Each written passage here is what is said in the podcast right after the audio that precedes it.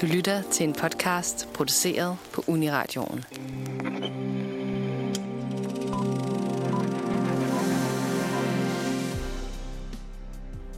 Året går på held. Sneen falder. Kulden tager til. Og i den her tid, der har vi brug for at krybe ned under dynen og tænde på flimmerkassen. I dag der skal vi snakke om komfortfilm. Film og tv-serier, der trøster os, gør os i bedre humør, og som kan hjælpe os igennem den her tid, hvor vi har brug for at lukke omverdenen ude, søge indad og drømme væk til filmens vidunderlige univers. Velkommen til Filmmagasinet Nosferatu.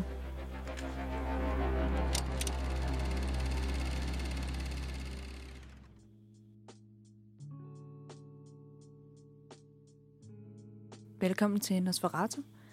Mit navn det er Ida de Koning Hugge. Med mig der har jeg Christina Munk. Hej. I dag der, der skal vi snakke om film, som gør os i godt humør. Ja.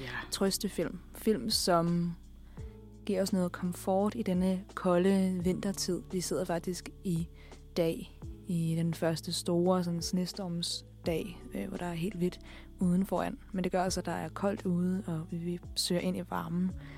Øh, så vi har taget nogle film med hver især, som vi føler, for os selv i hvert fald individuelt, er nogen, som vi tøger til, når vi enten har brug for at krybe ned under dynen og slippe lidt væk fra, fra kulden og fra, det, fra hvad der nu ellers er udenfor, vi ikke lige kan, kan overskue.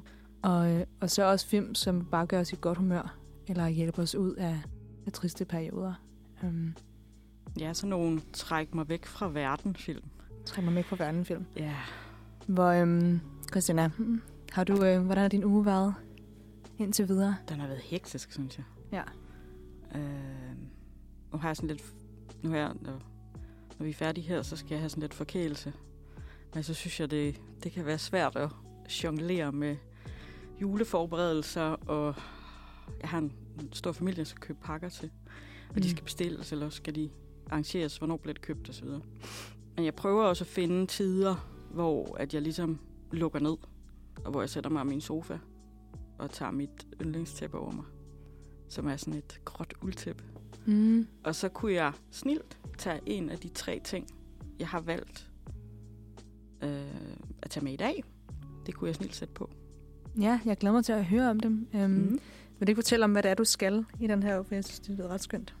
Jo, men når vi er færdige her, så skal jeg med toget til Malmø Direkte, du. direkte, og så skal jeg tjekke ind på et skønt hotel, Mm. som øh, jeg har boet på nogle gange. Og har gode minder fra, og de har en rigtig dejlig morgenmad også, som jeg nyder hver gang jeg er der. Og når jeg så er tjekket ind der, så skal jeg ud og spise på en fransk bistro, der hedder Le Gourmet, som Mhm. øh, jeg ikke har prøvet før, og som jeg glæder mig til. Og så bagefter, så skal jeg i teateret at se et stykke af Lars Noren, som er en af mine yndlingsdramatikere og instruktører. Og øh, der er sådan en opblomstring af i hans øh, dramatik, fordi han jo døde for ikke så lang tid siden. Meget trist, han døde af corona. Og øh, det her, det er et af hans sidste stykker. Der er mange af hans senere stykker, som begynder at blive sat op nu. Der er et næste år på Dramaten, også i Stockholm. Ja, og så er der en forestilling, der kører lige nu inde på En- Sorte Heste Ja, den er faktisk fra 89, øh, men jeg Ja. kunne jo være glad for, hvis at han stod, den øh, ligesom gjorde, at han begyndte at blive sat noget mere op. Selvom han er en meget hyldet dramatiker, han bliver jo sat op i hele verden. Ja. Men øh, ja, det er der sandet konsekvens. De har forlænget den inde på Sorte Hest øh, til 3. december, til i morgen faktisk. Nå ja, Ja, de 3. sidste dage, den skulle have spillet til 27. november, men så forlængede de den. Ja, vi var begge to inde og se den faktisk. Ja. Øhm, ja, der, der, var, der var en... Øh, ja, vi var også, det var også os, der lavede program om fransk film. Vi, vi finder ligesom, hver dag finder vi en eller anden ting sådan, hey, det her, det har vi også til fælles, Christina. Det er bare så hyggeligt. Det er fantastisk. Det er så hyggeligt. Ja, jeg har også haft sådan en uge, hvor at jeg synes, det hele ligesom har, sådan, har pejlet oven på hinanden, eller sådan, det ved, det er som om, at man, man, man løber lidt efter sine egne fødder nogle gange. Øh, og øh, ja, så, så jeg synes, det var, øh, det var rart at snakke, det, det bliver rart at snakke om nogle film, som, øh, som ligesom kan, for, vi kan forsvinde lidt i. Øh, Ja, noget, der skaber glæde, øh, og noget, der, der på en eller anden måde kan sætte tiden i stå. Det synes jeg også, de her ting kan. Mm. Øhm, Og det er også det, kunst og, og, og film kan. Og at nu har jeg i hvert fald taget nogle film med, som ikke på den måde er hyldet filmkunst, hvis man skal sige det på den måde. Men, men, øh, men det, som jeg synes, at kunst skal kunne, for mig i hvert fald, det er, at, at det er et safe space, der kan... at Det kan også være provokerende, det kan være øh, angribende, og det skal det også kunne være. Men der skal også være en, for mig en, en del af det, som kan være en, en eskapisme og en, en, en måde at, at at, at drømme mig væk til noget andet ud over min egen stue. Og det synes jeg, at, at film især kan, fordi den har ligesom alle facetter af det. det, det, kan være ligesom et fredeligt rum, Mm. man træder ind i. Så man lukker døren til sit hektiske liv. Og sorgfulde liv også nogle gange. Jeg synes tit, at december måned godt kan sætte noget melankoli i gang hos mig. der, er, der er noget Øhm, melankolsk over julen også. ikke? Ja, selvom jeg elsker julen. Øhm, Ja, det er en fantastisk tid, og jeg tror måske det er både, fordi det ligesom er den, den sidste måned på året, der er noget, året går på held ting, og vi er på vej imod en ny, nyt år, og vi ved ikke rigtig helt, hvad det især i år, ved aner vi ikke, hvad det er, det kommer til at bringe. nej, nej. Og alting er sådan lidt op i, op i luften. Og, øhm, og vi ved, at vi går forbi, vi går mod en januar, som ikke har julelys i... Og hvis de har julelys, så er det fordi, folk ikke har taget dem ned endnu. Og det er folk bare irriteret over. Så det er sådan en... Øhm, det er en underlig tid. Vi skal ligesom, sætte tempoet ned, og vi skal trække vejret lidt dybere, og, og tage et lille skridt tilbage. Og så kan vi jo sætte os i, øh, i stolen og i sofaen og og slå hjernen lidt fra. Um, så det er det, det er det, vi skal i dag. Ja, og fortælle noget om, hvad er det, vi bruger, når vi gerne vil på en eller anden måde frembringe den her stemning af at sætte tiden i stå og være et sted, hvor der er inspirerende og fredeligt, kan man sige. Ja.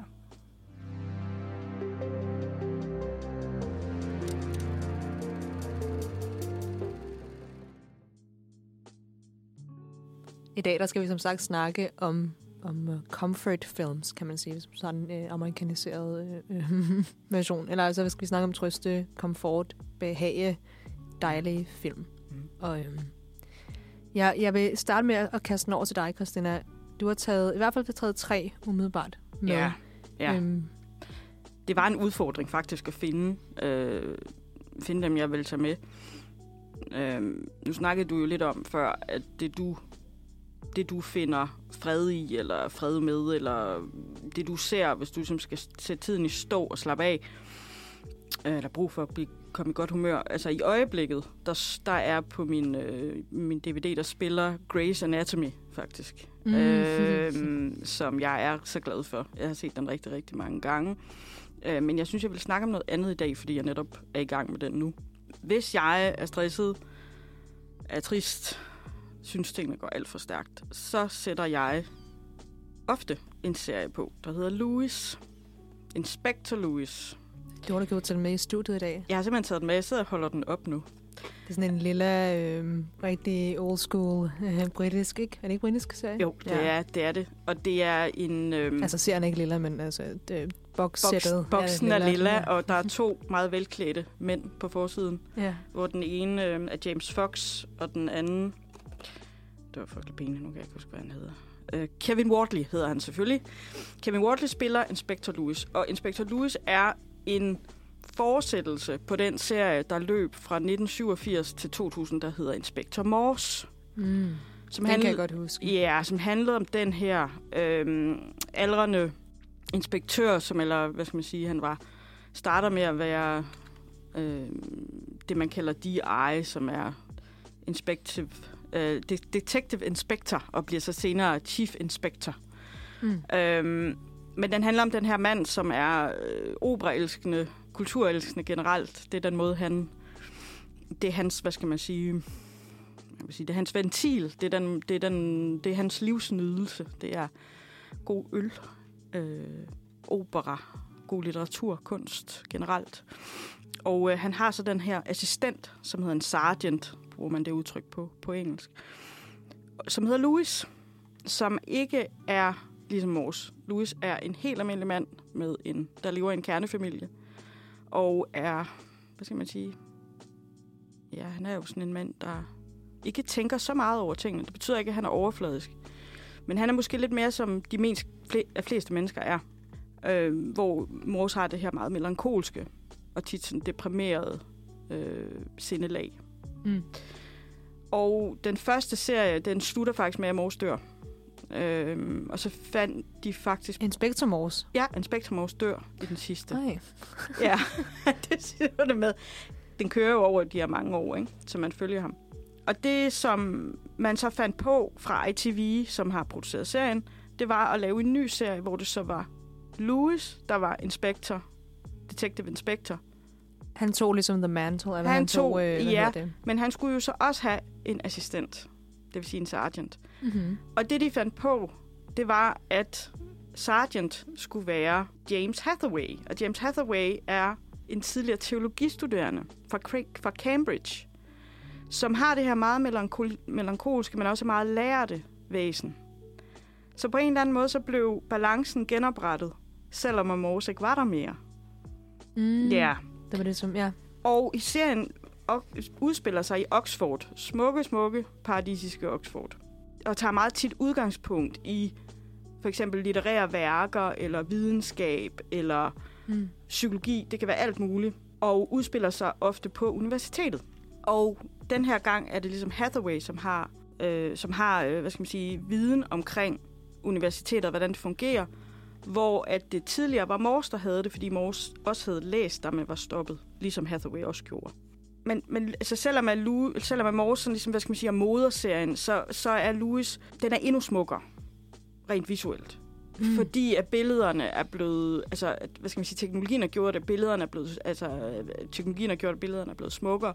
Og jeg synes også, at de bruger øh, flere billeder fra Oxford og stederne omkring universitetet.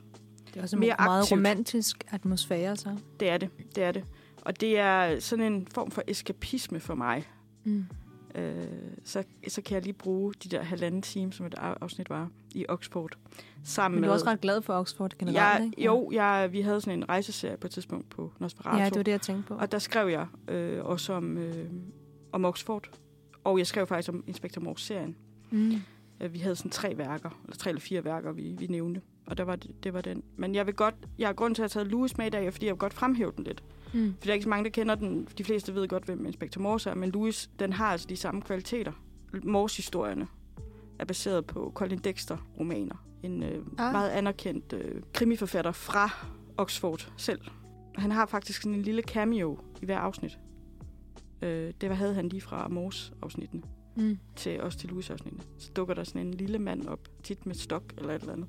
En lille aldrende mand, og så er det, så er det ham Ej, hvor godt. der lige dukker op. Jeg, jeg, det er meget sjovt at sidde og, sådan og kigge efter ham. Hvornår dukker han mon op?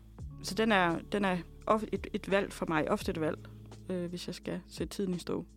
Og kravle under tæppet med en god kop kaffe. Ja, vi har ovenikøbet havde taget kaffe med ind i studiet. Det er også en, øh, en, kom, en komfort-ting med mig. En, en meget sort, meget mørk, meget varm kop kaffe. Øhm, ej, jeg får også helt lyst til at se til Lewis, men jeg har også en... Øhm, jeg kan godt lide den, den sådan lidt øhm, stiff upper lip, øhm, sådan øh, britiske øh, øh, æstetik. Absolut. Noget andet, der er ved serien, og, og en af grundene til, at jeg altså vælger den, når jeg har brug for trøst, kan man sige, så øh, det, det er tempoet. Det går meget langsomt. Der bliver dvælet, og det elsker jeg. Det Ja. elsker jeg i kunst generelt. Jeg elsker dvælen. Man får ligesom plads til at danne følelser og tanker selv undervejs. Det er det samme, når man læser en bog, ikke? At hvis Jo. man læser den selv, men hvor man næsten, hvis man låser- får læst den op, man lytter jo først til, når sætningen er færdig, forstår man, hvad det egentlig er, hvad der bliver sagt. Så, øhm, så ja, jeg, jeg forstår virkelig godt det der. Øhm, jeg har taget en tv-serie, som er meget kendt. Det var, den er ikke sådan... Øh, det, det er ikke særlig originalt eller sådan noget, men jeg har taget Gilmore Girls med, fordi også i samme dur er en serie, hvor at det er lige meget... Jeg tror, jeg har set den så mange gange, det hjælper også lidt.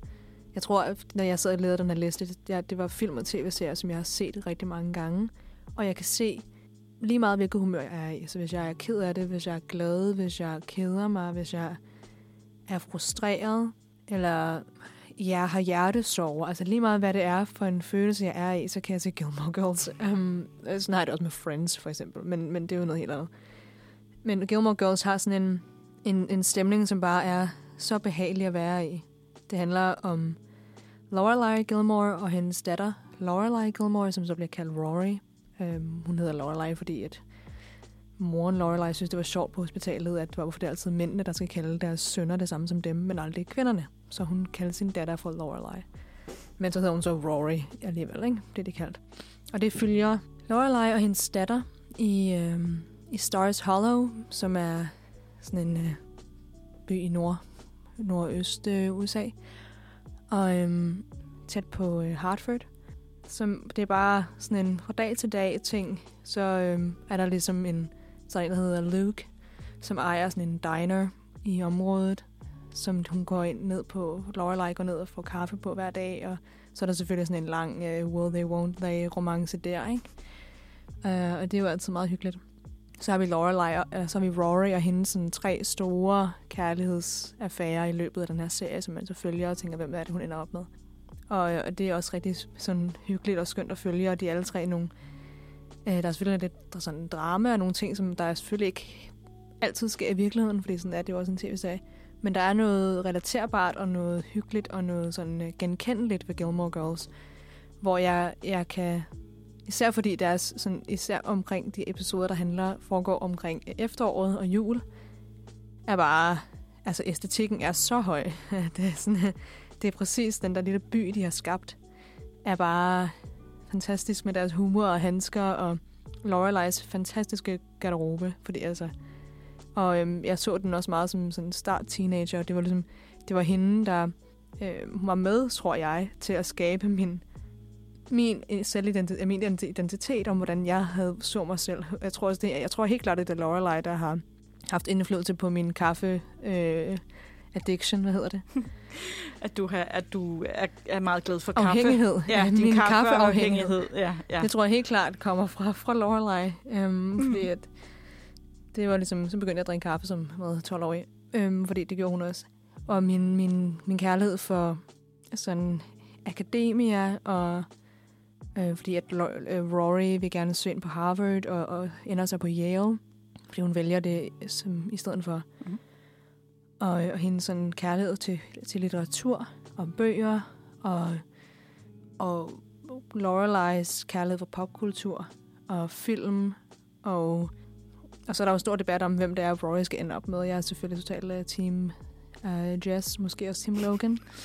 det kan vi snakke om senere, alle jer, der er Gilmore Girls fans. Men, um, der er lige til en podcast, det tror ja, jeg. for helvede. Det tror jeg. Jeg tror virkelig, der er sådan, who should Rory end up with? Ja. um, men hvem skulle Rory ende op med? Ja, det, det er en stor debat.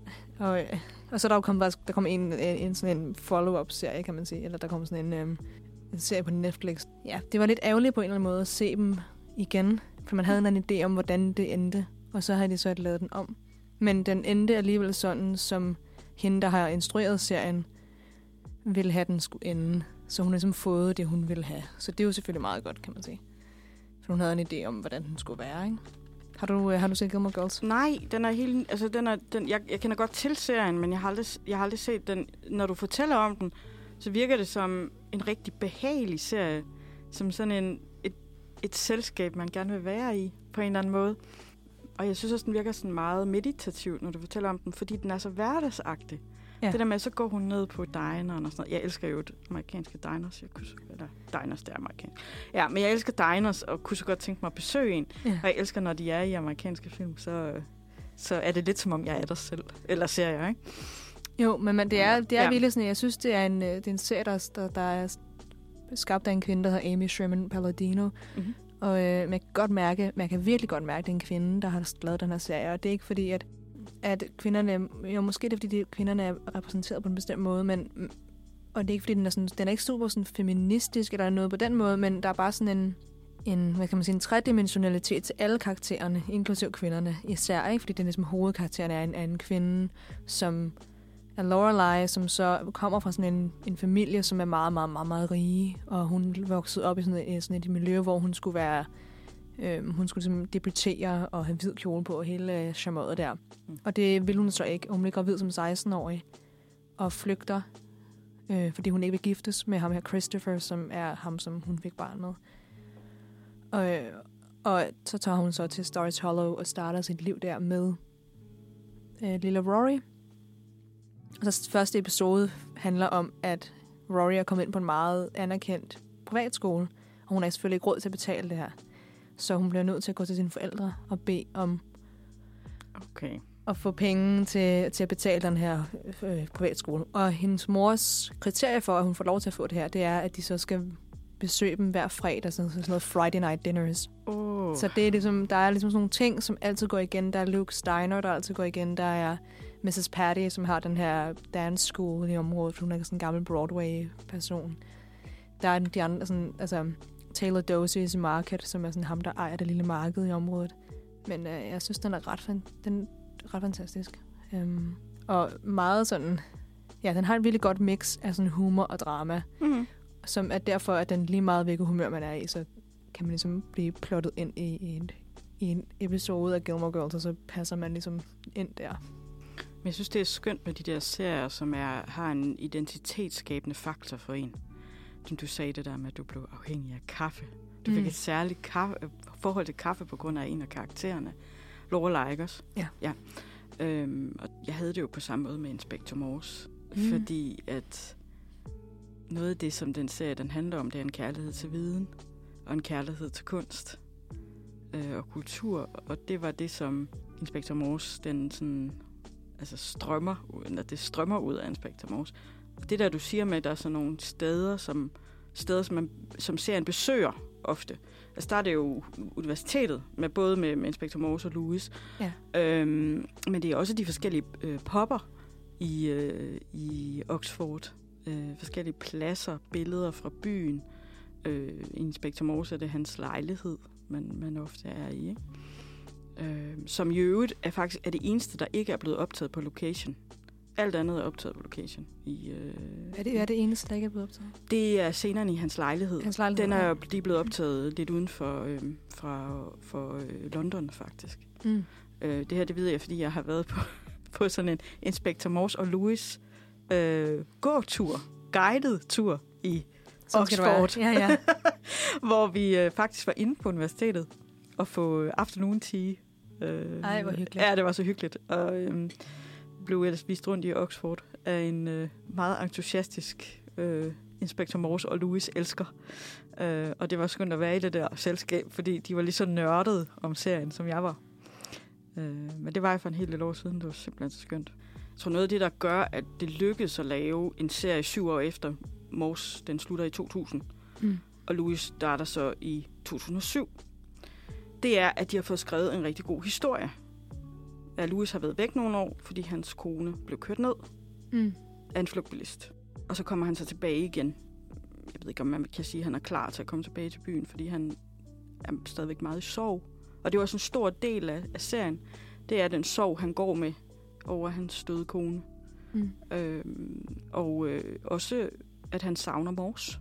Øh, fordi det var, han siger på et tidspunkt i, i øh, Louis, der er en, der spørger ham, hvad var dit forhold til Mors? Og så siger han, it, wa- it was a bit like marriage, but Mm. I already had a wife, siger han så. Ikke? Man Mm. snakker lidt om det der med, at man har en, en arbejdskone, eller en arbejdsmand, eller arbejde et eller andet. Ikke? Øh, at man har en ægtefælle der, hvor man arbejder. Og de var virkelig, virkelig tætte i serien. Mm. Og noget det sidste Morse han også siger, inden han dør, fordi Louis er der ikke der, hvor han dør, øh, så siger han til ham, der så er der, der er chef, tell Louis thank you, siger han så. Oh, Ja, det er meget, det er meget, det, ja, jeg kan næsten ikke snakke om det uden at græde. Nej. Oh. Ja, Ja. Lad os, øh, vi kan lægge den der, og så tage, tage videre i vores lille rejse på Trøstefilm.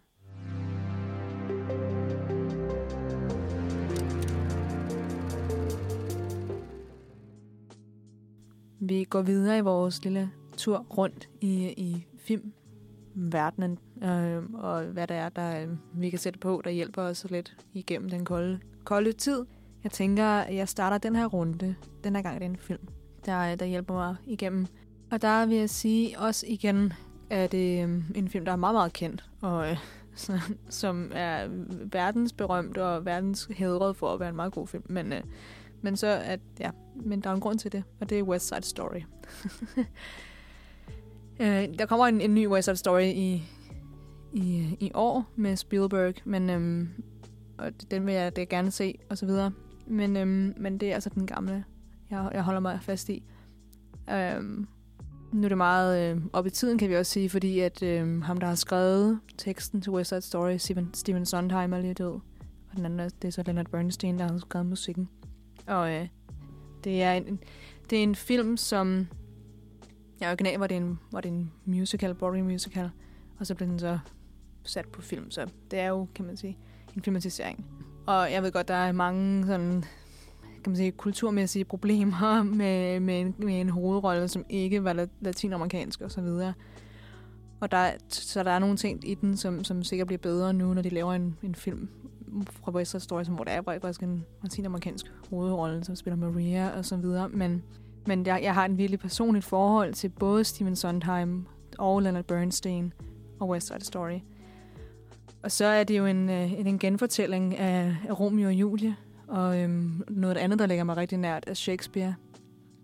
Og det, jeg synes er med West Side Story, det er, at på, altså man er virkelig, man er som en lille, man er en lille ælling, der øh, sidder meget godt i et par hænder, og, hold, og er, som, sådan kan man sige, som en, øh, som, hvordan prøver at forklare den her øh, metafor. Jeg føler, mig som en, jeg føler mig som en lille ælling, der bliver holdt og, øh, af instruktøren.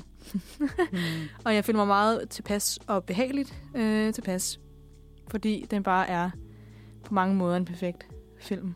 Og, øh, og så kommer det også især af soundtracket, som jo er fantastisk. West Side Story handler om to, som kæmper mod hinanden, fordi de er, den ene er øhm, Puerto Ricans, og de andre er sådan nogle, en hvid, hvid gang, en hvide drenge. Som, øh, og så er der så to af dem her, der bliver forelsket som jo også er det, som kan man sige, Romeo og Julie handler om, at to fra modstridende familier bliver forelsket. Og, øhm, og så skal de så navigere i, i det her miljø. Og, øhm, og alle de store sange, I Feel Pretty og America og Maria, og alle de sange er jo, er jo derfra. Og Somewhere og One Hand, One Heart og alt det der. Og øhm, åbningssekvensen, som varer et kvarter eller sådan noget vildt længe, er bare Manhattan, der bliver langsomt gjort skarpere og skarpere og skarpere af sådan nogle små streger. Øh, og, og Bernstein har, haft, har gjort et eller andet overdimensioneret har, har, har skabt noget, der er, der, der sådan, at det beskriver ud over det beskrivelse, jeg er, er sådan meget ja, lamslået ja. over, over musikken, fordi den er så perfekt på mange måder. Og nu rammer jeg ind i min, min kaffe, og bliver, jeg bliver meget excited over West Side Story. Men Ja, og så tror jeg også, at det selvfølgelig hjælper lidt, at det er det foregår i New York, som er noget, der, der også betyder meget for mig. Så altså, det, det er et miljø, jeg, jeg, føler, jeg rigtig, føler mig rigtig tilpas i. Og så er det jo sådan en... Så er det teater, som jeg går rigtig meget op i. Det er musical, som jeg er rigtig glad for. Og det er Steven Sondheim, som er min store, store, store, store held. Altså en, en replik som I just kissed a girl named Maria, and suddenly I found how wonderful a sound can be de små... Steven Sondheim havde en... Havde, det er så forfærdeligt, jeg skal sige havde, men han har jo stadig en, et talent for at sige, ramme dig ind i, i alt det, som du er, med, med, sådan, med tre ord. Eller han kunne ligesom sige, ja, yeah, say it loud and there's music playing, say it soft, and it's almost like praying. Det er sådan, jeg har det, når jeg lytter til, til, til Sondheim. Det er meget rørende at høre dig beskrive. Jamen, det mener jeg helt alvorligt. Jeg bliver helt, så bliver helt sådan bevæget. Øh, der er ligesom alle de elementer, der skal, der skal til for, at du føler dig godt tilpas, kan man sige. Det er rigtig, rigtig fint. Jeg tror, jeg har det lidt... Øh, du fortæller den der start på filmen. Ja. Øh, hvor du sådan bliver, hvad skal man sige, bliver sådan trukket ind i et univers. Jeg tror, jeg har det på samme måde med Manhattan, Woody Allen's Manhattan. Mm. Der bliver Rhapsody in Blue, spiller de der. Øh, så det er nok sådan lidt på samme måde, som jeg har det med, med, med den film. Det kunne jo også have været en film, jeg havde taget med i dag. Øh, en film, jeg ser. Øh, en trøstefilm. Ja. Men jeg tror også, at West Side Story er en film, som jeg kan se igen og igen og igen, og jeg har flere gange sat den på igen, efter jeg er stoppet, så jeg starter den igen. Den kan jeg, jeg hører tit soundtracket, sådan generelt. Øh, og jeg tror også, altså, det er så skarpt, og det, det er det er, altså musikalsk er West Side Story, synes jeg faktisk meget, meget, meget undervurderet. For man tænker bare, okay, I feel pretty, I feel pretty. Nå ja, okay, det kunne jeg ellers skrive, skrevet. Eller jeg har meget, det er meget tit den reaktion, jeg får, når folk siger West Side Story, så det er sådan, ja, okay, det er bare en eller anden, du ved, pop, popkulturs musical, og det er det bare ikke. Altså, West Side Story er bare en musikers drøm, når man kan sidde og se på den måde, som, som musikken er skrevet på, det er, at alt det, som, som Maria og Tony, som er de to hovedkarakterer, det, som de synger, ligger i et helt andet register, end alt det, alt det som de andre synger. Den der da, da, mm, lyd, det er det eneste. Det er en, en fløjte, en der fløjter. Nu fløjter jeg ikke ind i en mikrofon, men det er du, du. Og den er ligesom en, sådan en advarselsmotiv, som går igen i, i The Jets, og især i The Jets. Bliver brugt til, at den bliver drejet rundt, den bliver byttet om på, den bliver brugt på forskellige måder, når det handler om alle andre end Tony og Maria. Og når det er Tony og Maria, der, der synger, så øhm, er det kun only the good notes. Det er kun, øh, det er, vi er oppe i noget, i noget dur, vi er oppe i sådan en, i de lejende øh, melodiske lag, som, som fordi de også er i sådan en, et stadie, kan man sige, hvor de ikke ved, hvad, hvad tyngden af deres kærlighed gør. Altså at det, at de er sammen, hvad, hvad det gør for, for, for det her samfund, og de her to familier, øh, eller de her to communities, kan man sige. Så, så de også, det, er meget, det er en naiv historie. Det er en, en historie, som Romeo og Julie også er. Det var unge mennesker her. Og det, der er med West Side Story, det er, at i Romeo og Julie, der, der dør de jo begge to til sidst. I West Side Story, der ender det med, at den her Maria-karakter, som er meget uskyldig, ung, ung, ung pige, der starter med en lille hvid kjole med en rød, med en rød bælte på. Hun ender med, efter at de har haft deres bryllupsnat og alt det der, og at Tony bliver skudt, og han dør og falder om, så ender hun med at blive den vrede og den, den had, som de har, den ender i hende. Og hun sidder på midten af det her, det her ingenmandsland imellem de to gangs, de her to bandegrupper, og råbe. Og så tager hun pistolen op og, og peger mod de andre og siger, er det det her, var det det, I ville? Er det det her, I, I øh, var det det, som I, I, alt det her var for? Har, nu har I gjort mig til had, hadet, som I havde ja, i jer, og I har, I har ødelagt mig. Så den er, altså, øhm, på en eller anden måde er den næsten mere hjerteskærende end Romeo og Julie fordi Romeo og Julie, der ender de ligesom sammen på en eller anden måde, fordi det ender i døden. Hvor at i West Side Story bliver, bliver Maria forladt af, at Tony bliver dræbt, ikke? Det lyder ja, hjerteskærende. Mm. Det er det rigtige. Det virker jo også som om, at det er et musikalsk værk, som er meget gennemtænkt. Ja. Er det ikke også det, du sådan ligesom siger lidt, at det er noget det, som, selvom at, at nogen ser det som sådan noget, der er meget let mm. og meget luftigt, og ikke så noget, man skal tage sig seriøst, hvor du advokerer for, det er faktisk noget, der er ekstremt gennemtænkt og gennemarbejdet. Ja. Øh, det er spændende, at man bruger øh, de her leitmotivs. Mm. Øh, jeg er meget glad for den tyske komponist, der Richard Wagner, ja. som mm. øh, var den, der... Han var ikke den, der fandt... Han var ikke den, der opfandt leitmotiv, men han, leitmotiv, men han var den, der for første gang rigtig aktivt brugte det. Ja, og han, det er ham, der, der har haft i hvert fald ja. altså indflydelse på rigtig, rigtig meget. Jeg tror, ja. ikke, jeg, jeg tror ikke, at musicalen har været en ting uden nej, Wagner. Nej, jeg har det selv lidt... Jeg har det selv lidt svært med musical. Ja. Øhm, jeg tror, den eneste musical, jeg rigtig har set og holder af, det er faktisk øhm, the Dark. Eller ja, Lars von Trier. Ja. Lars von Triers. Øhm, ellers så har jeg det bliver for romantisk og for sukkersødt for mig på en eller anden måde. Øh, men jeg synes, det er vigtigt at, at snakke om, selvom at det kan være, at man ikke synes, altså hvad kan man sige, at, det, at man reagerer sådan på det. Det betyder jo ikke, at værkerne ikke kan være gennemtænkte, og man ikke skal have respekt for det. Øh, det er også sådan, han er, er på den måde speciel, fordi han har også skrevet Into the Woods. Det, han, har, han har taget de gamle øh, eventyr og bare vendt dem fuld kom på mm. hovedet. Og altså, det, der er meget øh, melankoli og sorg og hjerteskærende, forfærdelige øh, mor og drab og, altså, øh, og meningsløshed i meget, han laver også. Og Company, som er en, en, en musical, og mere en vignet af musicals, kan man sige. Om det der med, at, og, og hvad, hvad det betyder at være i live, og hvad det betyder, hvad kærlighed betyder, fordi at, er det, er det overhovedet værd det hele. Og sådan, han er meget... Øh, han er skarp på den måde. Ikke? Og så er der mm. selvfølgelig Sweeney Todd, som jo er mm. øh, virkelig, virkelig deprimerende på mange måder. Um, sådan han bruger også meget af det, at han bruger musik, hvor han ligesom sætter musikken på karakteren, så hver karakter har ligesom deres tone. Nu er det så Bernstein, der har lavet West Side Story, men han gør lidt det samme. Øh, At Bernstein ligesom giver, ligesom han gav The Sharks and the Jets, han gav det det der rada lyd, som han så har brugt. Og, øhm, og det der er med, med Tony, han har da da da Maria, så den løfter sig op over den tone. Den, den anden sidder lige og, og skærer næsten, hvor at Tony gør det, at han, han hopper op over alt det, som er det grumme, og så den, de, de ved, de, de onde, de siger da da, den stopper der, men Tony, fordi han har, han har set ud over alt det der, han synes, det er noget værre fra at vi skal være sure over hinanden. Så han hopper let over det, og synger Maria. Så han kan, kan sige, det, det er ikke noget værd.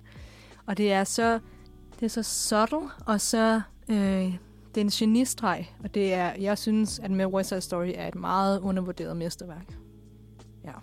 Godt, du fik slået et slag for West Side Story. ja. det synes jeg altså er skønt. Det er helt klart. Hvad har du taget med, Christina? Jamen, jeg har taget noget helt andet med. Øh, vi skal til Frankrig. Vi skal lidt uden for Paris. Og til en film, der hedder Sommertid. Den hedder det samme på fransk, men jeg har ikke øvet udtalen, så det tør jeg, jeg ja, så det, det springer jeg over. Men den hedder simpelthen også Sommertid på, på den direkte oversat. Og det er en film af en af mine helt favoritinstruktører, der hedder Olivier Assayas. Og den er fra 2008. Øhm, og det er et familiedrama, som starter hos mo- eller ved, ved morens 75-års fødselsdag. De er tre søskende. To drenge og en pige, hvor, eller en kvinde, hvor øh, kvinden bliver spillet af Juliette Binoche, som sikkert mange af jer kender. Og øh, man får meget hurtigt et blik og et indblik i de kompleksiteter, der er i den her familie, og hvad er det for nogle problemer, de har, og hvordan at generationer ske, altså hvordan, det, hvordan man ligesom kan sige, at generationer kan have det svært med at være sammen. Øh, moren siger, da, da det her selskab er, hvad skal man sige, er opløst, så siger moren til sin husholderske, de var allerede, de var her ikke, da de rent faktisk var her, da de var gået, der var de, altså de var allerede gået, før de gik, siger hun. Ikke? Øh, det går meget, meget stærkt i, i de her børns liv, øh, hvor moren, hun øh, vil hellere have ro og, og, og, og give sig tid til, øh, til, øh, hvad hedder det, øh, til livet. Øh, og hun er også et sted i sit liv, hvor at hun øh, er rundet de 75, og hvad skal man sige, tiden står stille på mange måder. Der sker så nogle ting i filmen. Øhm, nu kommer der en spoiler. Øhm, omkring efter en halv time, så dør moren. Mm. Så derfor så skal de tre søskende dele øh, arven.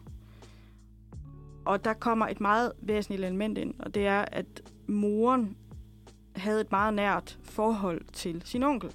Og onklen var kunstner. En anerkendt kunstner. Ikke så kendt kunstner, men anerkendt kunstner. Og han var også meget interesseret i øh, brugskunst og kunst generelt, så de har sådan en nærmest en kunstskat, som de skal fordele og som de skal sælge. Og noget af det, jeg, jeg nyder så meget ved den her film, det er alle de smukke ting, der er i den, som man ser. Også en hyldest til det smukke, og en hyldest til tanken, at selvom at noget er gammelt, behøver det ikke at tabe værdi. Mm. Altså æstetisk, kunstnerisk værdi.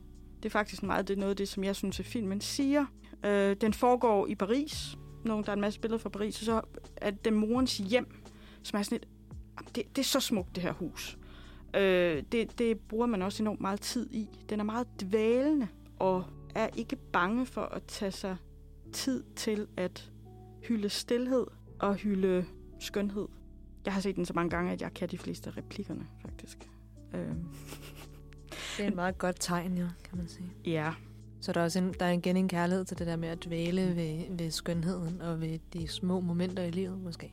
Ja, det, det er der. Der er sådan mange hverdags, hverdagselementer, når de skal nå en taxa, for eksempel. Eller de sidder efter morens begravelse, så de og snakker om, hvor de er henne i deres liv, og de snakker om moren, og hvad hun har givet dem, og hvordan begravelsen var. Og den er sådan, altså noget af det, jeg holder utrolig meget ved den, er, at den er meget lidt tænkt Den er utrolig sådan organisk i øh, den måde, samtalerne folder sig ud på. Man føler virkelig, at man sidder og overværer et familiedrama. Er man er med i stuen? Du er med i stuen, ja. Mm. Sådan føles det. En anden af skuespilleren, der er med, som jeg holder rigtig meget af, er Charles Berling. Og øh, særligt ham og Juliette Binoche, de har sådan en helt særlig øh, kemi, når de skændes. Mm. Øh, som er meget frydefuld. Og meget fransk. og meget fransk, fransk ja. Øhm, og jeg tror, jeg tror, en af grundene til, at den, den bringer mig, den her film, den bringer mig et sted hen, hvor jeg føler mig godt tilpas, og hvor jeg kan slappe af. Det er dels dens ro, dens dvælen, men det er også det, at den foregår i det franske. Og den er så fransk, som den er. Det øh, er for mig mekka. Og det føles som om at komme hjem, måske. Det gør det, mm. det gør det. Øhm, jeg elsker at være i den franske kultur og beskæftige mig med den. Og når man så faktisk føler, at man sidder sammen med en fransk familie, der skændes og spiser lækre quiche og så skønt. drikker dejlig vin, ja. så... Øhm, Ægte komfort. Det er det, i høj grad. Hygge. ja. For trække noget dansk ind der. Men... Og så har jeg også et øh, smukt minde, som, som på en eller anden måde forbinder, som jeg forbinder filmen med, og det er, at jeg var inde og se den, da min veninde og jeg i, ja, der var 2009, tror jeg, hun blev færdig på universitetet. Hun var færdig med sit speciale. Så om formiddagen, så var vi til sådan noget, eller middagstid, der var vi til sådan noget reception, hvor hendes vejleder var der, og hendes kæreste var der, og en anden veninde var der. Og så var vi om eftermiddagen inde og se den her til mm. det, der hedder franske film mandag i Gran. Ja. Øh, så jeg har også sådan et, øh, et smukt minde. Det er noget af det, som mange af de der værdier, der er, det er at huske på kultur, selvom det er gammelt, øh, og så bevare værdien af det. Øh, og ja, kærligheden til skønhed og æstetik, det er noget, jeg har sammen med hende. Ja, ja. Nå, så det minder dig også om hende? Det minder mig også om hende, når jeg ser den, ja. Mm. Mm-hmm. Ja, det gør meget. Det var, det var virkelig det var lidt skønt at, at sådan dykke ind i, i, i, i din, uh, dine valg her. Det var virkelig spændende. Um, jeg blev nødt til at, jeg har ikke set noget af det, du har, har valgt, så jeg blev nødt til at, at hoppe med på vognen jo, og få det gjort. Vi, um, vi holder en lille pause, nu når det er blevet december. Så, så tager vi en lille julefilm med, som, uh, som i hvert fald hjælper lidt på det hele.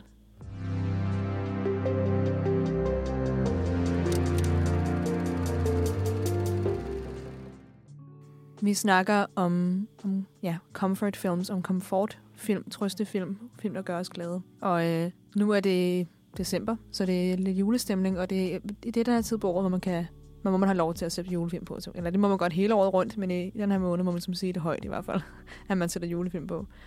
Og øhm, vil du starte med at, at, at, at introducere din julefilm, Christina? Ja, det kan jeg godt. Øh, vi er stadig i det franske, og øh, som jeg nævnte før, Olivier Assayas auteur, øh, fransk auteur. Vi fortsætter med en fransk auteur, der hedder Arnaud Desplat, som i 2008 lavede en film om Kong de Noël, som betyder et juleeventyr.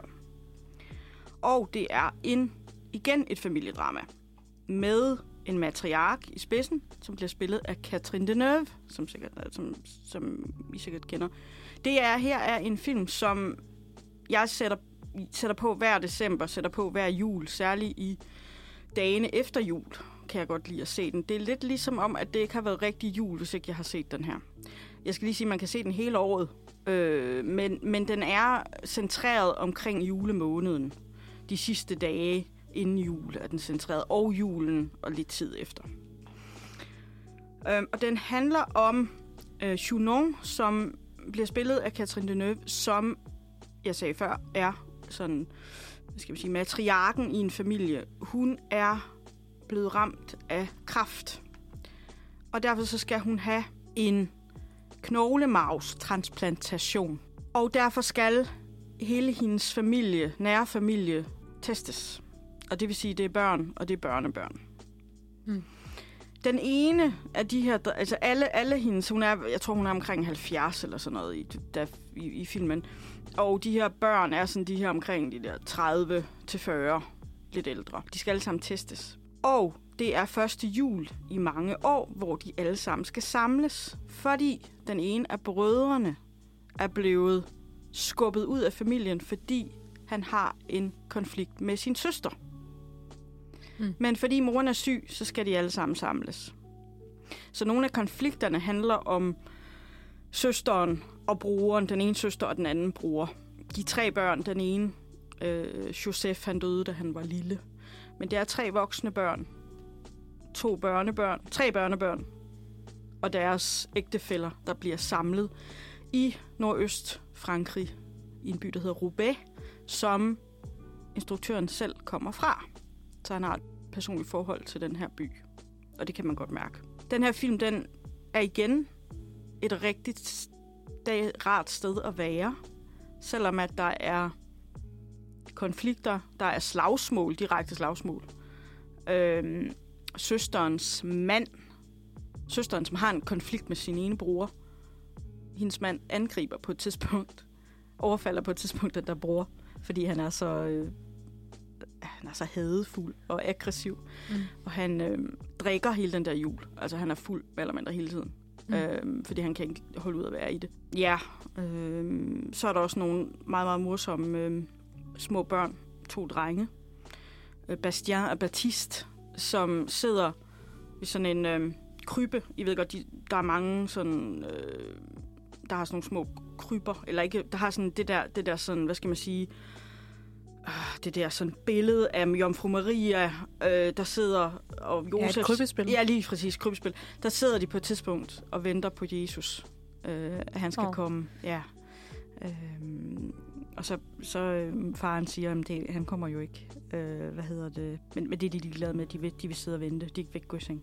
Det, du siger, den er, er en film, som man kan man kan se hele året. Der er jo nogle af de der julefilm, nu sagde jeg, at øh, du må ikke se julefilm ud over. Det må man selvfølgelig godt, men der er også nogle film, som, som går ud over genre-definitionen, som, man, øh, som lægger sig godt til hele året, og noget, der er meget relaterbart, det er jo en familierelation. Og, øh, og det er jo også bare en god måde at det er en godt, god setting at sætte det i omkring juletiden, ikke? Fordi det er, en, det er en tid, hvor folk ligesom bliver presset sammen alligevel. Ja, ja den her familie, hvis ikke, hvis ikke at, øh, hvad skal man sige, hvis ikke at øh, det havde, altså det, det her med, at det er jul, og, og, og, og Junon, hun er, er syg, og de ligesom er, er, er, er tvunget til at, at være sammen på grund af det, øh, det, det, det gør det, altså på en eller anden måde, så giver det sådan en, noget meget naturligt til fortællingen. Altså det, derfor er det ikke så forceret.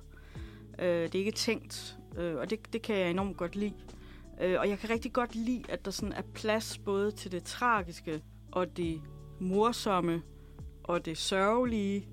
Øh, og også det, sådan gal, det galgenhumoristiske for os virkelig en, en, øh, en plads. Og så hele det her drama med, hvem er det, der skal være donor? Øh, Ah, det er jo ja. også, det udspiller sig jo også imens, og det giver også sådan en vis spænding. Og, og, og, og, hvem, altså vil de komme levende ud af det her? Fordi de, altså, de slås jo sådan, altså det er jo sådan nærmest, det er jo korporlig slåskamp. øhm, og, og vil, vil nogen forenes? Vil andre blive uvenner? Det, er sådan, det ligger jo sådan, som sådan en rød tråd igennem hele øh, historien. Og så foregår den i, øh, igen, nu snakker vi om, det der med det franske, det, det, det her med at se, hvordan han fransk øh, familie holder jul. Ja. Det, øh, det er også øh, øh, meget frydfuldt for mig at se. Jeg skal selv holde jul i Paris. Hvis corona tillader det, mm. så skal jeg selv holde jul i Paris i år. Øh, og jeg kan huske, øh, når jeg ser den, så lægger jeg altid sådan meget mærke til, at jeg ved, hvad de får at spise og sådan noget. Jeg ved, hvordan de gør det. Jeg har sådan hentet inspiration der. Ja. Øhm, øh, og holder også, når jeg er hjemme i Danmark, holder også sådan lidt en fransk jul. Okay. Finder, øh, ja, så det, der er den der film sådan lært mig lidt. Hvordan, hvordan gør de det? Ja, for der er vi jo så amerikaniseret, vi kender, hvordan, vi ved præcis, hvordan amerikanerne holder jul og englænderne, ja. ikke? Og, så det er også meget sjovt at se, hvordan det egentlig er en, ja, en tid på året, som, vi, som hele verden sætter sig ned den aften der, ikke? Nogle gange dagen efter, men øhm, og, og lukker sig ind i deres hus. Så det er jo sådan en, det er meget specielt, ikke, at hele verden ligesom lukker ned på det tidspunkt. Det er rigtigt. Ja, den fik faktisk også en særpris i, i, i, i Cannes i 2008. Og det kan jeg godt forstå. Så det er jo heller ikke nogen dårlig hvad skal man sige, entré, at filmen får premiere der. Nej, det er jo meget godt, især for Det- en julefilm, ikke? At den Jo. får lov til. Jo, og det, det gør man. Altså, det, men Desplat, han har øh, nærmest sådan en fast plads i Cannes, når han laver noget. Om det så Mm. er i hovedkonkurrencen, eller i en af de andre konkurrencer, eller uden for Okay, konkurrencen, ja. hans, film, hans film bliver vist der. Han er en af de anerkendte auteurs. Det er ikke altid, han brillerer med, men det gør han med den her. Øh, og i øvrigt så har han et langvarigt forhold til øh, det samarbejde med Mathieu Almeric, og det kan man altså mm. godt mærke. Der er et godt, kan man sige, quote-unquote ægteskab der. Det er der. Ja. Det er der. Nå, Absolut. Godt. Og, og jo, og noget, der også er sjovt, det er, at øh, øh, Chiara Mastroianni er med i den, og det er, øh, det er Katrin Deneuves datter. Ah, ja. Så øh, der, der er det så, øh, det er jo ikke, de spiller ikke mor og datter her, men det er, er en søns, eller hvad skal man sige, Katrin Deneuve er øh, Kat, øh, øh, svigermor. Så det er også lidt, lidt sjovt. Mm. Ja. Familieforetagende der. yep. Ja. Jamen altså, jeg har faktisk også taget et juleeventyr med. Men det er Dickens et juleeventyr. det er skønt. ja, ja.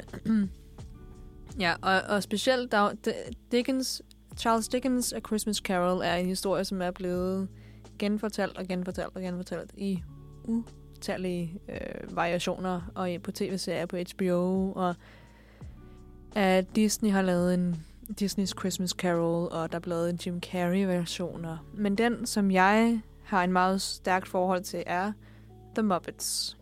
The Muppets Christmas Carol. Jeg, jeg tror også generelt, at, at Muppets er et... Altså, Kermit og alle de andre, det er sådan et... Øh, det er ligesom et, et, et miljø, som jeg bare er rigtig behageligt øh, tilpas i, og, øh, og som er, har humor, og altså også nogle gange sådan meget grov humor, eller sådan, det er bare, det, det er skarpe på den måde, og det, det taler til alle. Det er ikke bare, det er ikke en øh, sådan børnefilm, der taler ned til børnene, eller afskærer forældrene. Det er, øh, The Muppets kan ligesom ind, indkapsle alle aldre, synes jeg. Den er instrueret af Jim Hensons søn, som hedder Brian Henson, og Jim Henson, det er ham, der mm. har startet du ved, Jim ja. Hensons Muppets. Øh, hele hans, hans dukkemager. Og, øh, og så er det Michael Michael Caine, der spiller... jeg elsker Michael Caine. Som spiller uh, Ebenezer Scrooge. Oh. Og, øh, og, der, og så musikken er skrevet en, der hedder øh, Miles Goodman. Og der er nogle få sange i og sådan noget, men det er ikke, det er ikke en musical. Øh, nu er jeg tilbage til min musicals der, men det er, ikke en, det er ikke på den måde en musical. Der er nogle små sange i. Jeg vil mere sige, at det er en film, hvor der er nogle sange i, end det er en musical på den måde. Og så øh, er det så, ja, The Muppets, som så... Øh, det, jeg tror, det er Gonzo, den Muppet der, der... Jo, jeg tror, det var Gonzo, der som er hovedrollen. Det er ham, der spiller Dickens. Han, det, han lader som om, han er Charles Dickens. Og så øh, følger han også igennem England, det gamle London, øh, Dickens, da han voksede op. Hans, jeg tror, det er de første 10 år af hans liv, var det var det tidspunkt i Englands historie, hvor der var mest sne nogensinde. Og så stoppede det ligesom med at sne i London, efter han var 10 år eller sådan noget. Og nu er det ligesom i Danmark, at der, der, nu er der lige sne i år, hvilket er fantastisk. Jeg kan kigge ud af vinduet, og der er helt kridhvidt. Men, ja. men det sker sjældent i december, ikke? At, mm-hmm. at, det, at det sner. Så derfor tror jeg, at, at der er meget, altså når man tænker på England, så tænker man, uh, London og sne og Christmas Carol og sådan noget. Men det var faktisk, fordi det var kun da Charles var, Charles, Charles Dickens var, var barn. Og så er et juleeventyr bare så... Øh, sådan en universel historie. Det er bare en skide god historie jo. Mm. Altså, den, og det er også derfor, den er blevet genfortalt så mange gange. Der er også en film, der hedder Girlfriends, hvad hedder den? Uh, Ex-Girlfriends of My Past, eller uh, Christmas of My of, of, of Ex-Girlfriends, eller sådan et eller andet helt skørt, mm. med Matthew McConaughey, som handler om, at hans ex, ex-kærester kommer tilbage til ham som sådan tidligere, du ved, sådan, uh, som tidligere spøgelser, som jo selvfølgelig er, er taget fra, fra Dickens, ikke? Oh, yeah. Altså, det, det er virkelig, det er gået over i alle, alle genrer, fordi det er jo bare en historie om en sur mand, der siger humbug som er faktisk ulykkelig, fordi hans partner mm. jo er død. Og han havde ligesom tidligere vi snakket om det der med at være have et ægte for, ægteskabsforhold til sin partner i, i forretning, forretningspartner, mm. så var de jo øh, Marley der, der mm. var død. Um, og efter det, så blev han jo ulykkelig også, fordi han mister sin, um, sin ægte kærlighed, at hun går fra ham, fordi han er så sur, han går på penge og sådan noget. Ja. Uh, ja, man kender jo et juleeventyr godt, men uh, og så kommer der de her personer tilbage til ham, de her spøgelser, og så ender det jo med, at han, han ønsker, han får kærligheden tilbage i sit liv, og lykken for, for, og juleklæden, kan man sige, tilbage. Så det er sådan en, en ægte julehistorie. Ja, samtidig med, at den er meget universel, ja. som du siger. Ikke? Og det er jo også øh, det der med, med, med, den, med den franske Arnaud de, Desplances øh, en conte Noël. Det er det her med, at det er sådan en meget... Øh, ja, den udspiller sig i julen, men de her problematikker, de er så universelle. Mm. Øh, hvad gør sygdom ved os? Hvad gør familien ved os?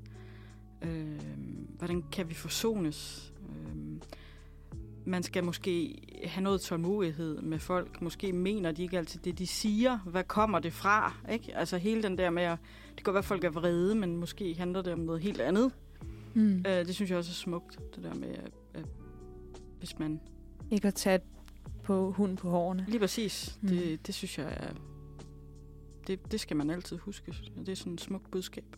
Ja, jeg synes også, at, at det, der er specielt ved Muppets Christmas Carol, fordi det, det var jeg valgt den, det er, at øhm, den tager, den tager sit øhm, original, kan man sige, ressource, hvad skal man sige, alvorligt. Den tager mm. bogen, Mm. et juleeventyr, som jo er en lille novelle, Mm. øh, som jeg også læser hvert år, fordi den er så hurtig at læse. Men det, som jo er Charles Dickens, som er en meget anerkendt, selvfølgelig britisk forfatter, og, og, og, og, og taler ikke ned til børnene. Mm. Han fortæller, at han læser Gonzo, nu er jeg ret sikker på, det er Gonzo, nu håber jeg virkelig, det er rigtigt, men at det er ham, den lille øh, Gonzo, der, der, øh, der læser det op, eller han læser, han, han fortæller, som om han er Dickens, og han har sin hat på, og så videre. Altså, og han øh, følger så, man, man følger ligesom ham, der Mm. går rundt, og så banker han, kigger ind ad vinduet, og så sidder Ebenezer derinde, og så følger man ligesom historien derfra. Men øh, han læser op fra den rigtige bog, altså han læser øh, den flotte introduktion, som er en af de smukkeste introduktioner til en bog nogensinde, hvor han, hvor han snakker om, at, at, øh, at Marley var død, og sådan var det bare. Eller var han, ikke? Og så, og så ser man det der dør banke ting. Man havde sådan en gamle britiske døre, hvor man kunne, kunne banke på døren med sådan en sådan en hank, der hang på døren, og som, som bliver til Marleys ansigt og sådan noget. De bruger ligesom nogle meget, meget ikoniske replikker og sætninger fra bogen. Øh, og så Michael Caine er bare genial jo. Altså, han er jo fantastisk. Han er nærmest sådan en britisk institution. Ja, ja, fuldkommen. Han er jo, Ja. han er jo blevet... Han er jo bare Michael, Michael Caine, og han ja. spiller Michael Caine, og altså, han er, han er Scrooge. ja. Og så er der jo ham, den fantastiske karakter, som er Scrooges nevø, som bare er altså, så glad hele tiden, og prøver virkelig at få ham med og sådan noget. Som jeg synes er en genial karakter, øh, og som også bliver spillet af en rigtig skuespiller. Øh, og så er det så Muppets og sådan nogle... Øh, Kermit spiller selvfølgelig øh, Cratchit, som Ja, er ja. øh, ham, som arbejder hos Scrooge. Det er en hjertevarm, kærlighedsfyldt øh, film, som er meget kompetent instrueret, klippet og lavet igen med vores lille ælling, der bliver holdt. At man føler sig så godt tilpas. Også fordi, at det bliver frontet, kan man sige, af, af en karakter, som er spillet, som er så ikonisk, som Scrooge er, Mm. som er spillet af, af en så ikonisk skuespiller, som virkelig indtager rollen, og ikke tager det for givet, at han spiller Ebenezer Scrooge, selvom det er en Muppets-film. Mm. Så tager han jo sin rolle alvorligt, og det synes jeg bare er fantastisk, fordi det Jim, Jim Henson er, er også en institution. Og den blev, dem, han døde kort tid før, den her film kom ud, Mm. og den er så dedikeret til, til ham. Og jo, hans søn, der ligesom tog over, var ham, der instruerede den. Så det er sådan en... Øh, det er også en heder af Jim Henson, og hele Henson... Øh, fordi det er noget, der er fyldt med kærlighed, mere end Disney er. For, altså meget mere, ikke? Hvor som jo er baseret på alt muligt. Men Hen, Jim Henson er bare pure joy, Ja. Og, og ja, ekstase, og glæde, og kærlighed, og, øh, og, og næste kærlighed også. Ja. Helt Og enig. tilgivelse, som det også handler om, ikke? Jo. Jo. Og det er dem, julen handler om. mm, det er det. Vi kan ikke andet end at håbe, at I er blevet inspireret til at gå hjem og finde det bedste tæppe, blødeste tæppe frem. Ja. Og- Tænde pejsen, hvis man er så heldig at have en Ja. pejs. Eller også kan man bare gå ind og sætte, øh, sætte sin computer op, så er der den der øh, fireplace online. Eller sådan Ja, ikke det, det kan man også gøre. Og Ja. så måske søge indad og finde sine egne trøstefilm, sin egen comfortfilm. Og igen, comfortfilm, trøstefilm. Brug det hele året. Brug Ja. det til at lade op, brug det til at blive inspireret. Brug det til at en hjælp til at bære det nogle gange svære liv. Og det er Øhm, okay at, at flygte lidt. Ja, det må Og- man gerne. Bruge den eskapisme, som filmen er. Ja. For det for mig er det jo alt fra Saturday Night Fever og til Mm. for mig også Kung Fu Panda og to, alle Ja. Tom Hanks film, fordi Ja. at, så ved jeg ligesom, at jeg er i gode hænder, når Tom Hanks er der. Der er sådan de der ting, man bare ved, så der er den på, Ja. fordi nu kan jeg, så kan jeg lade alt andet slippe. Ja. Lige præcis. Og det, det er det, filmen skal kunne. Ja. Mange tak for, at I lyttede med til, til Nosferatu i dag. Og øhm, du kan gå ind på vores hjemmeside på nosferadio.dk og læse vores artikler og anmeldelser af øh, aktuelle film. Og øh, så kan du lytte til vores podcast, der hvor du lytter til podcast. Og så kan du selvfølgelig følge os på Instagram og Facebook. Og øhm, så vil jeg ønske jer alle sammen en god aften og drikke en kop te og, og, og, og tage det hele lidt med ro, øh, fordi det har du fortjent. Og det har du også fortjent, Christina. Tusind tak for, at du vil gå med mig i studiet i dag. Det har været sand fryd. Det har været sand fryd, julefryd og, Ja. og, og kærlighed og glæde.